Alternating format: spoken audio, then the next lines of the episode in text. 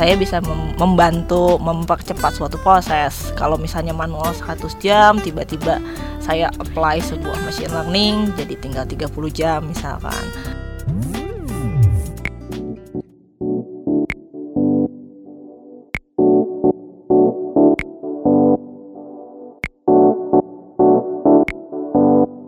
Ya, data entusias.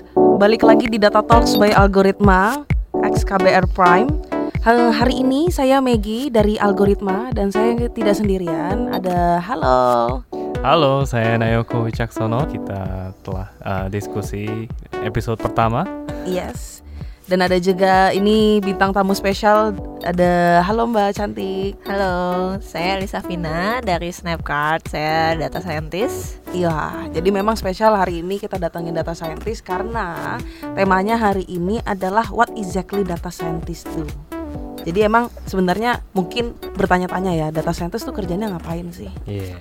Kenapa sih uh, demandnya gede banget? Yang mungkin uh, pertanyaan pertama dulu kali ya. Sebenarnya itu data scientist ngapain aja sih? And what is it actually? Oke, okay, so data scientist sendiri sih baru mulai booming akhir-akhir ini kan di Indonesia dan uh, sepertinya setiap perusahaan masih punya uh, kayak understanding masing-masing gitu. Tapi kalau yang uh, saya tahu secara umum sih data scientist itu orang yang memanfaatkan sekumpulan data yang jumlahnya besar, biasanya masih unstructured, masih raw data banget untuk mencari sesuatu yang berguna dari situ. Dan dari uh, apa yang kita dapat itu kita bisa kasih ke stakeholder yang mereka bisa pakai untuk memecahkan masalah mereka gitu. Hmm. Contohnya misalnya kayak di mana sih kita harus pasang iklan supaya lebih banyak orang yang lihat? Atau kayak misalnya gimana kita bisa kasih rekomendasi kepada pengguna e-commerce supaya mereka bisa beli barang yang uh, cocok untuk mereka gitu. Tanpa harus mencari detail barang tersebut.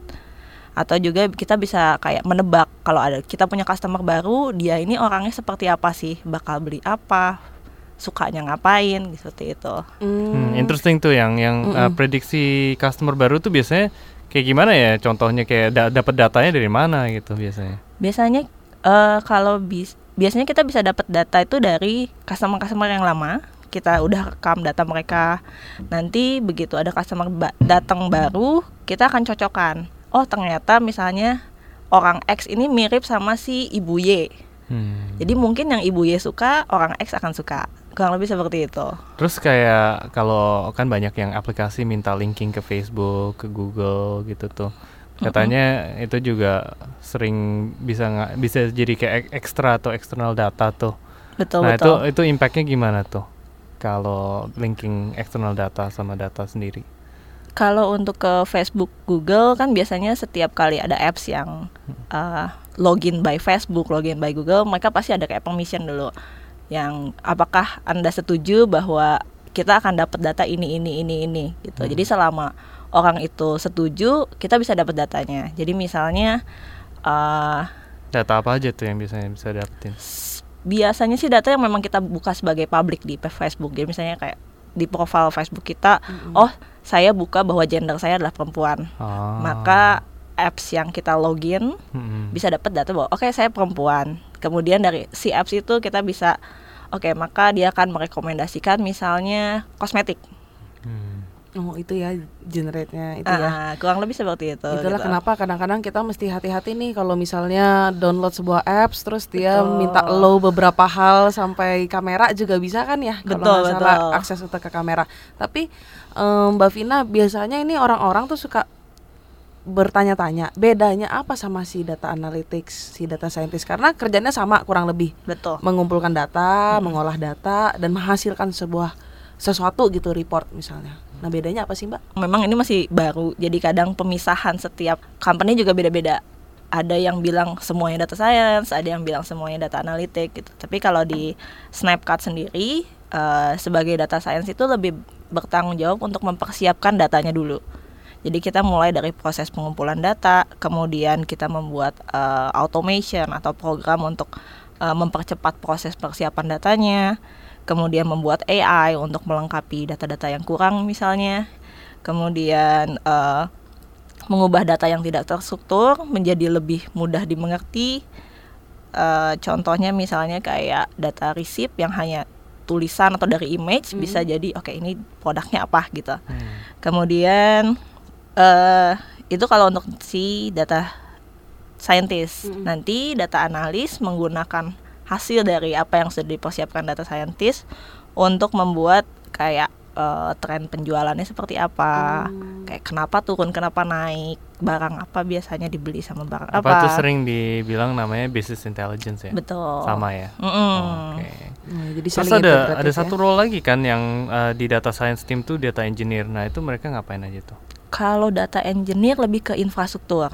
Hmm. Jadi seperti uh, ini data mau disimpannya itu di mana, Mhm. seperti apa penyimpanannya, lebih kayak gitunya. Terus eh, koleksi datanya gitu Biasanya sama data engineer, jadi kayak infrastruktur butuh berapa giga dat, berapa Hmm. giga storage, something like that gitu. Oke, jadi misalnya udah dapat insight-insightnya dari data science nih, data scientist nih. Kalau mau scale up itu biasanya siapa yang scale up ya ke suatu, misalnya udah dapat um, machine learning algoritmanya gitu kan. Kalau mau diimplement ini ke aplikasinya atau ke yang lain-lain itu responsibility-nya data engineer bukan? Eh, mungkin at some point, tapi Mhm. kalau lebih ke researchnya, Mhm. kayak machine learning apa atau AI apa yang lebih cocok digunakan, Mhm. AI apa yang lebih bagus itu di data science-nya dulu. Betul, Jadi setelah betul. data science, oke, ternyata ini loh yang bagus, kita akan minta tolong untuk data engineer. eh, ini bisa nggak diimplement atau Hmm. bagaimana supaya bisa cocok dengan infrastrukturnya. Mereka lebih implementasi juga berarti Betul. ya. mm-mm. Aduh. Tapi Oke. kalau eh, dengar-dengar cerita dari Mbak Vina, berarti si data scientist ini dihadapkan oleh data langsung gitu ya. Betul. Datanya raw nggak raw, pokoknya ini ada data, silakan cari insight-nya. Nah, kadang-kadang yang eh, yang jadi pertanyaan juga, gimana cara cara mencari inspirasinya nih Mbak?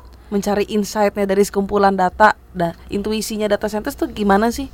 Jadi biasanya pertama apa dulu nih yang mau dicari gitu kan. Mm-mm. Jadi misalnya eh, dari receipt kita pengen tahu produknya dulu. Mm-mm. misalkan kayak gitu Hmm. berarti uh, kita akan cari data mentahnya Mm-mm. mana yang bisa digunakan kita kasih ke AI machine learning sehingga mereka bisa oke membuat model biar bisa otomatis tahu produknya apa kurang lebih gitu jadi tujuannya dulu apa nih apa Oh. end goalnya dari situ kita kayak jalan mundur gimana da- dari data raw kita harus pakai algoritma seperti apa pilih machine learning yang mana yang baik Um, backgroundnya kira-kira bisa cerita nggak sih kayak kita udah ngomongin tentang ini banyak tapi kayak banyak orang tuh nggak tahu backgroundnya data scientist tuh apa yang diperluin untuk jadi data scientist tuh apa Oke, kalau misalnya secara pendidikan formal, Hmm. memang mungkin belum banyak kayak eh, kuliah jurusan data science beneran data science Hmm. kayaknya mungkin hampir nggak ada kali ya, masih sangat-sangat jarang.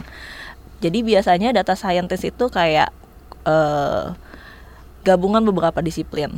Jadi yang harus eh, ada itu computer science, Mhm. jadi bisa ngoding, kemudian eh, matematik dan statistik dan mereka punya porsi yang agak beda-beda dalam data science sendiri gitu. Itu untuk eh, pendidikan formalnya. Jadi orang yang ngambil statistik, computer Mhm. science, matematik itu akan lebih mudah untuk masuk ke dunia data science gitu. dari sisi teknikalnya Teknikalnya sudah dipersiapkan dipersiapkan Ya. gitu kalau dari formal. Kalau dari non formal itu biasanya eh, mungkin di dalam mata kul di dalam jurusan mereka bisa ambil mata kuliah-mata kuliah yang berhubungan dengan data science terutama Hmm. kayak machine learning, Hmm. eh, artificial intelligence gitu.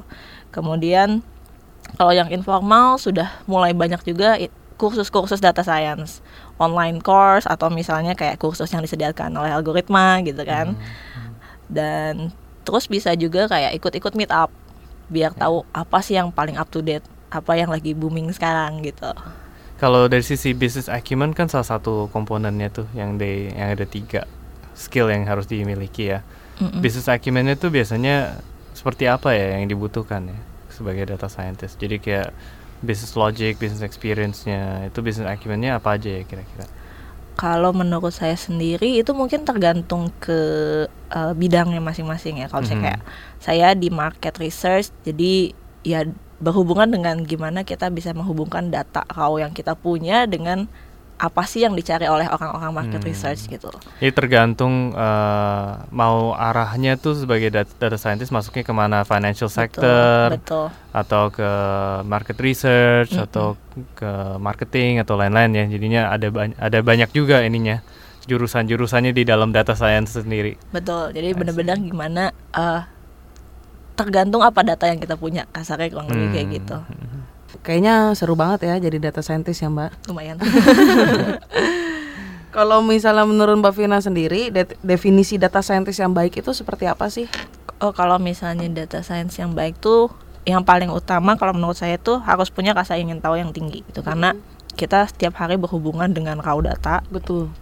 kita harus tahu apa yang mau dicari Mm, gitu mm, apa yang kita bisa dapat eh, extra value dari situ terus juga karena data science ini perkembangannya cepet banget banyak teknologi baru banyak tools baru. Mm, Eh, jadi kita harus berani coba apa sih bedanya kalau saya ganti tools dari X ke Y apa impactnya? Lebih baik kah dan lain-lain gitu. Ada creativity-nya juga dong. betul Nah. gitu. Ya macam-macam untuk gimana kita ngelihat eh, sisi uniknya Hmm. dari data kita gitu Problem solving. betul solving terus harus teliti juga gitu kan karena kita berhubungan data cuma besar ya lagi-lagi akurasi tetap tetap yang harus utama gitu ketika Hmm. kita deliver ke klien kita harus deliver data yang betul gitu kan terus juga harus yang eh, selalu ingin belajar Hmm. gitu ya tadi karena selalu baru pasti aja ada yang harus oke ada ada data baru nih datang oh saya harus pelajari datanya saya harus pelajari machine learning yang baru mungkin untuk menangani ini gitu Terus komunikasinya juga mesti bagus kayak Betul. dia. Karena akan menyampaikan insight yang sudah dibuat oleh tim data scientist Iya. ya. betul betul Harus bisa mengkomunikasikannya. Eh, data scientist itu di Indonesia belum terlalu banyak. Nah, seperti yang Mbak Vina bilang tadi, mesti banyak belajar itu benar. Tapi ada nggak sih tempat diskusi atau ngumpul data scientist data scientist yang ada di Indonesia gitu? Nah sekarang kan sudah mulai mulai agak banyak nih jadi Mm-mm. sudah banyak juga kayak meet up meet up Mm-mm. algoritma juga sering ngadain event-event Iya. meet up Iya. gitu Mm-mm. jadi mungkin bisa ikut meet up bisa ikut eh, komunitas data science untuk tahu apa yang paling baru gitu Iya, Yeah. atau mungkin buat orang-orang awam yang belum pernah belajar tentang data science atau mungkin penasaran bisa datang ke acara-acara diskusi seperti itu kali ya. betul betul Algoritma banyak banget tuh. Mungkin bisa Iya, cerita mungkin yang ya. mau ikutan ada algoritma community event, kita juga ada kickstart. Nanti itu, itu bisa dicek di Instagramnya algoritma. At tim algoritma. Terus Mbak Vina, ini yang sering jadi pertanyaan dalam hati orang-orang. Karena mungkin nggak enak kali ya kalau nanya langsung ya. Apakah pemasukan dan pekerjaan itu seimbang? Kalau itu Agak sensitif ya. betul Cuman re- kita realistis pasti banyak yang penasaran juga. Apa Mm-mm. benar nih? Apalagi kan banyak juga artikel yang bilang data scientist income-nya termasuk yang oke lah. Apalagi di Indonesia jarang gitu kan. kalau menurut saya sih sal- masalah income satu ini masalah supply and demand juga mungkin Mm-mm. karena ya di Indonesia supply-nya belum banyak dan demand-nya banyak jadi ya pasti ada di situ gitu terus yang kedua kalau seimbang atau enggak balik lagi ke tanggung jawab masing-masing. Mm-mm. jadi data science juga levelnya ada macam-macam. Ada yang masih associate ada yang junior ada yang senior. Dan masing-masing punya tanggung jawab yang beda-beda. Dan pastinya sesuai dengan tanggung jawab ada income yang sesuai juga gitu. Hmm, Tapi kalau dibanding yang lain oke nggak?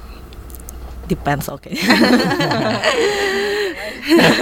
Sebagai data scientist sendiri, hmm, achievement itu seperti apa sih? Sejauh apa sih yang bisa dibilang achievement, Mbak? Kalau menurut saya, kalau buat saya sendiri ya, Iya. saya bisa mem- membantu mempercepat suatu proses. Kalau misalnya manual 100 jam, tiba-tiba saya apply sebuah machine learning jadi tinggal 30 jam misalkan. Kemudian juga bisa eh, mempersiapkan data dengan baik, sesuatu yang tadinya tidak pernah kita pikirkan bisa kita dapat dari data receipt misalnya, kita bisa kasih gitu. Kemudian juga eh, contohnya setiap hari Snapchat terima kayak lebih dari 20.000 data. Gimana kita bisa mengapply teknologi supaya memproses data ini dengan cepat dan benar gitu. Terus juga yang buat saya senang juga itu adalah tantangannya Hmm. gitu contohnya kalau di Snapchat kita tidak hanya uh, mulai melirik data-data yang bukan offline source doang kayak Mm-mm. misalnya e-commerce data yang totally different structure Mm-mm. Mhm. itu adalah tantangan baru lagi Mm-mm. mungkin machine learning yang tadinya bisa dipakai di yang offline offline image receipt sekarang tidak bisa harus cari lagi yang baru seperti itu jadi nggak monoton terus eh, yang paling penting sih eh, yang membuat saya achieve itu kayak apa yang saya kerjakan itu dipakai dan berguna gitu Hmm. dan bisa membantu perusahaan mempercepat proses eh, sehingga keuntungan lebih besar Sehari-hari tuh kalau sebagai data scientist ngapain aja sih? Kayak kalau misalnya dibagi 8 jam gitu ya kerja gitu Mm-mm. misalnya. Itu tuh berapa persen yang ngerjain apa, berapa persen ngerjain apa biasanya tuh kayak gimana sih Hmm. sehari-hari? mungkin kayak 50 sampai 60 persen itu kayak memprocessing data jadi lebih kayak Ngapain aja proses data datang kita cleaning gitu kan kita apply uh, machine learning algorithm Kalau cleaning tuh buat kayak orang-orang yang awam gitu ya. Cleaning tuh maksudnya apa gitu? Data dibersihin, dicuci kan nggak ngerti tuh apa tuh? oke contohnya gini misalkan kita kan terima 20.000 ribu data receipt nih Mm-mm.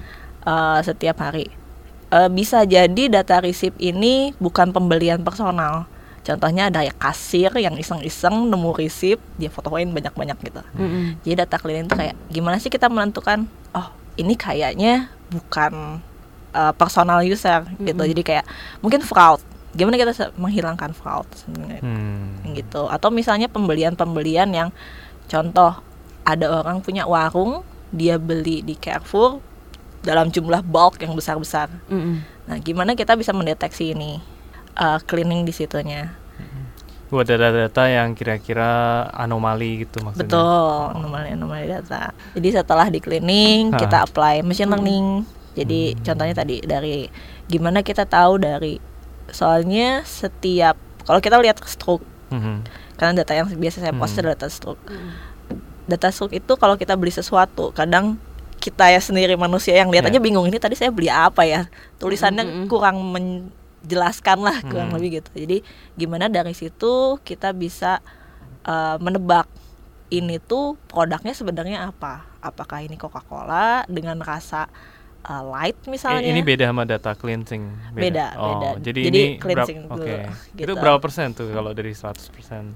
Oh itu part of the 60 Oh, tadi. part of the 60. Terus yang lain-lainnya ngapain aja itu? Biasanya kita juga banyak discussion sama data analis. Ah. Kayak misalnya, oke, setelah kita kasih ke data analis, mereka ada tambahan request. Oh, bisa nggak kalau ini ditambahin seperti ini? Bisa nggak tambahin seperti ini sesuai dengan kebutuhan gitu. Kalau buatin kayak model-model atau kayak buatin machine learningnya sendiri, yang seru-seru tuh kapan tuh buatnya? Berapa, berapa persen sehari tuh? Researchnya mungkin sekitar 20 persenan sih. Oh. Soalnya begitu kita sudah dapat Ah. apa yang baik, itu udah tinggal kita apply Mm. gitu. Tapi paling nanti ketika ada sesuatu perkembangan yang baru, oh atau misalnya model kita tiba-tiba ini kok ada yang aneh ya, kenapa tidak bisa mempredik lagi? Hmm. Maka itu akan muncul lagi si research itu gitu. Interesting, interesting. Oke, jadi sebenarnya tuh emang majority data cleansing lah. And Data do you, processing, Data ya. processing. Do you enjoy doing this? Ya, Well, so eh, why is it so interesting? Most people kan kalau liatin data yang raw gitu kayak wah pusing gitu. mm, Why is it so interesting but for you? karena eh, kalau kita sebagai data scientist, eh, kalau kita nggak lihat bener-bener raw banget gitu, Mhm. jadi kita lihatnya secara eh, apa ya, kayak sudah part of a big data. Mhm. jadi kita sudah apply ini itu jadi eh, bukan yang ngeliatin 20.000 ribu tuh nggak diliatin raw juga gitu Oh, jadi gitu. kayak lebih ke oke kita lihat misalnya setelah saya apply Datanya eh, udah stru- terstruktur maksudnya. iya sudah struktur eh, terus kemudian kita bisa lihat lebih ke summary-nya kalau misalnya tiba-tiba suatu hari pembelian sabun batang naik 50% loh ini kayak ada yang aneh misalnya jadi kita Hmm. baru balik lagi processing lagi dilihat apa yang salah nih di sini jadi selalu ada kayak Critical thinking Critical harus thinking, thinking, betul. harusnya ya. Oh. harus dicari apa yang salah kenapa kurang lebih kayak gitu Ah, menarik, menarik, menarik. Ya. Maggie mau jadi data scientist juga? Boleh, saya mau jadi data scientist. Kira-kira persiapannya apa sih Mbak Vina kalau orang-orang pengen mencoba menjadi data scientist atau terjun ke dunia ini? kalau menurut saya sih yang pertama harus suka dulu mungkin kalau yang belum tahu data scientist apa eh, cocoknya yang suka ke technical Hmm. kayak coding kayak eh, matematik, statistik, menghitung gitu ya Iya, berhubungan dengan angka-angka lah, Mhm. karena kayak semua machine learning, eh, AI itu berhubungan dengan rumus matematik ujung-ujungnya gitu. Jadi yang penting suka itu dulu, kemudian mulai cari tahu dulu data science seperti apa. Karena belum tentu juga orang yang suka matematik bakal suka dunia data science yang Hmm. berhubungan Hmm. dengan data besar gitu kan. Ada atau mungkin mereka lebih suka ternyata hanya bagian N analitiknya aja. Hmm. Jadi mungkin lebih cocok ke data analis seperti itu. Jadi cari tahu dulu misalnya dari dengerin podcast ini, Mm-mm. Ya. oh ternyata data science tuh begini begini begini loh. Suka nggak gitu. nggak banyak nih. yang bisa full stack soalnya ya Betul. ya maksudnya full stack tuh jadi uh, skillnya ada banyak bisa tahu data engineering data science data analyst semuanya itu full stack maksudnya kan Mm-mm. Ya, jadi Semua pasti ada spesifiknya. spesifiknya. Cocoknya di mana lah. mungkin ada satu yang jago data cleansing ada Mm. satu yang uh, modeling kali ya Atau mungkin ada yang lebih senang ke infrastruktur, Hmm. jadi ke data engineering Betul. gitu. dan juga belajar di algoritma ya Yoi. ya persiapan menjadi data scientist kalau mau hard skillnya di sini bisa bisa banget Mbak Vina, eh, Mbak Vina ini kan data scientist dari Snapcard. Buat teman-teman yang belum tahu, mungkin bisa kasih tahu nih, Snapcard tuh apa sih? Oke, jadi Snapchat itu market research company. Jadi kita eh, gathering data dari eh, crowdsourcing data dari user, di mana user bisa download apps kita, kemudian dia akan snap stroke setiap kali belanja dari Indomaret, misalkan stroke-nya di snap, nanti kita akan kasih cashback gitu. Kemudian di snap eh, tuh di foto ya Ya, di Oke. foto, sorry. Kemudian eh, un- dari data tersebut kita akan analisa, kita akan bangun insight. Eh, kemudian kita akan eh, supply insight tersebut ke eh, brand atau ke klien gitu. dari stroke itu nanti diketik manual apa automatic semuanya Eh, enggak, jadi kita sudah punya AI based OCR namanya. Jadi itu apa untuk tuh OCR tuh? memproses dari image ke teks. ah Hmm. cool gitu. Jadi sudah otomatis eh, jadi teks yang akan lebih mudah untuk proses berikutnya gitu. Wow, diolah ya. canggih Diolah. banget Ah, betul. Image recognition bukan sih? Ya part of image recognition juga. Wah, mantap mantap itu berapa persen tuh akurasinya More than 90%. More than Wow. 90%. wow impressive impressive struknya dari mana aja bisa? Ya, bisa dari mana aja selama eh, printed stroke gitu. Bisa- ya toko bisa. di mana pun asal punya mesin kasir yang bisa ngeluarin stroke yang Hmm. eh, print itu bisa difoto kemudian Perbelanjaan apa pun juga ya. ya, apa pun. stroke stroke dot matrix gitu biasanya ya. Wah. terutama dari eh, FMCG sih gitu. Jadi groceries data. Kalau handwriting belum bisa berarti Belum. Kalau struk yang panjang, kalau kita kan biasanya belanja ke supermarket gitu untuk bulanan gitu, pasti kan panjang banget struknya. Mm-mm. Itu gimana? Dia fotonya satu-satu gitu? Iya di foto beberapa kali nanti bisa desain juga. Kalau Oh. oh. panjang malah dapat cashbacknya lebih banyak jadinya. oh oke Jumlahnya lebih banyak. Tuh Mac sering-sering belanja terus di Iya di tuh. ini ini. Dapat saya duit biasa lumayan. saya buang struknya. ternyata Oh. ternyata berguna ya. Ternyata itu bisa Betul. jadi data yang menghasilkan insight. receipt equal money Woi. Eh, bisa kasih contoh nggak satu mungkin hasil dari eh, researchnya timnya data scientistnya Snapcard dari struk struk yang udah diupload gitu. Mm-mm. dapat insightnya Ah, apa ah, aja boleh tuh? dicontohin nggak? Contohnya misalnya gini, eh, kita bisa yakin dari insight misalnya selama bulan Lebaran nih Mm-mm. penjualan-penjualan sirup naik Mm-mm. misalkan dan itu benar-benar terreflect dari Data ya. data dari receipt yang kita dapat gitu. Jadi ya, atau misalnya selama bulan Februari coklat naik. Oh, Kenapa ternyata coklat bener naik? ya? Ya, dan ada beberapa brand yang tiba-tiba bisa mengalahkan brand-brand yang utama di Oh. beberapa toko. Kenapa kan? Oh, karena ternyata mereka pasang promosi. Oh, kalau misalnya mem- yang soal memprediksi gitu kayak misalnya individual mau ini particular individual ini mau beli sesuatu ke depannya itu bisa nggak sih eh, memakai datanya Snapcard? Mungkin. Jadi karena kita sudah punya data historical. Hmm. Jadi mungkin kita bisa ke depannya kita bisa pakai data itu untuk sesuatu yang lebih lagi selain insight. Lebih targeted lagi ya. Lebih targeted kayak recommender system. Ya, thank you Mbak Vina. Thank you. Ya, Thank you, kasih. thank you juga Nayoko. Thank you Maggie. Ya, thank you buat KBR Prime. Eh, terima kasih telah mendengarkan podcast kita kali ini, Data Talks by Algoritma. Semoga di yang kali ini buat para pendengar bisa memahami kira-kira sebenarnya data scientist itu ngapain sih kegiatan dan kerjaannya. Eh, dan jangan lupa next kita akan membahas tentang why companies need to implement data science. Jadi katanya kan akan era revolusi industri 4.0 nih. Kira-kira kenapa perusahaan-perusahaan itu membutuhkan data science? Ditunggu ya.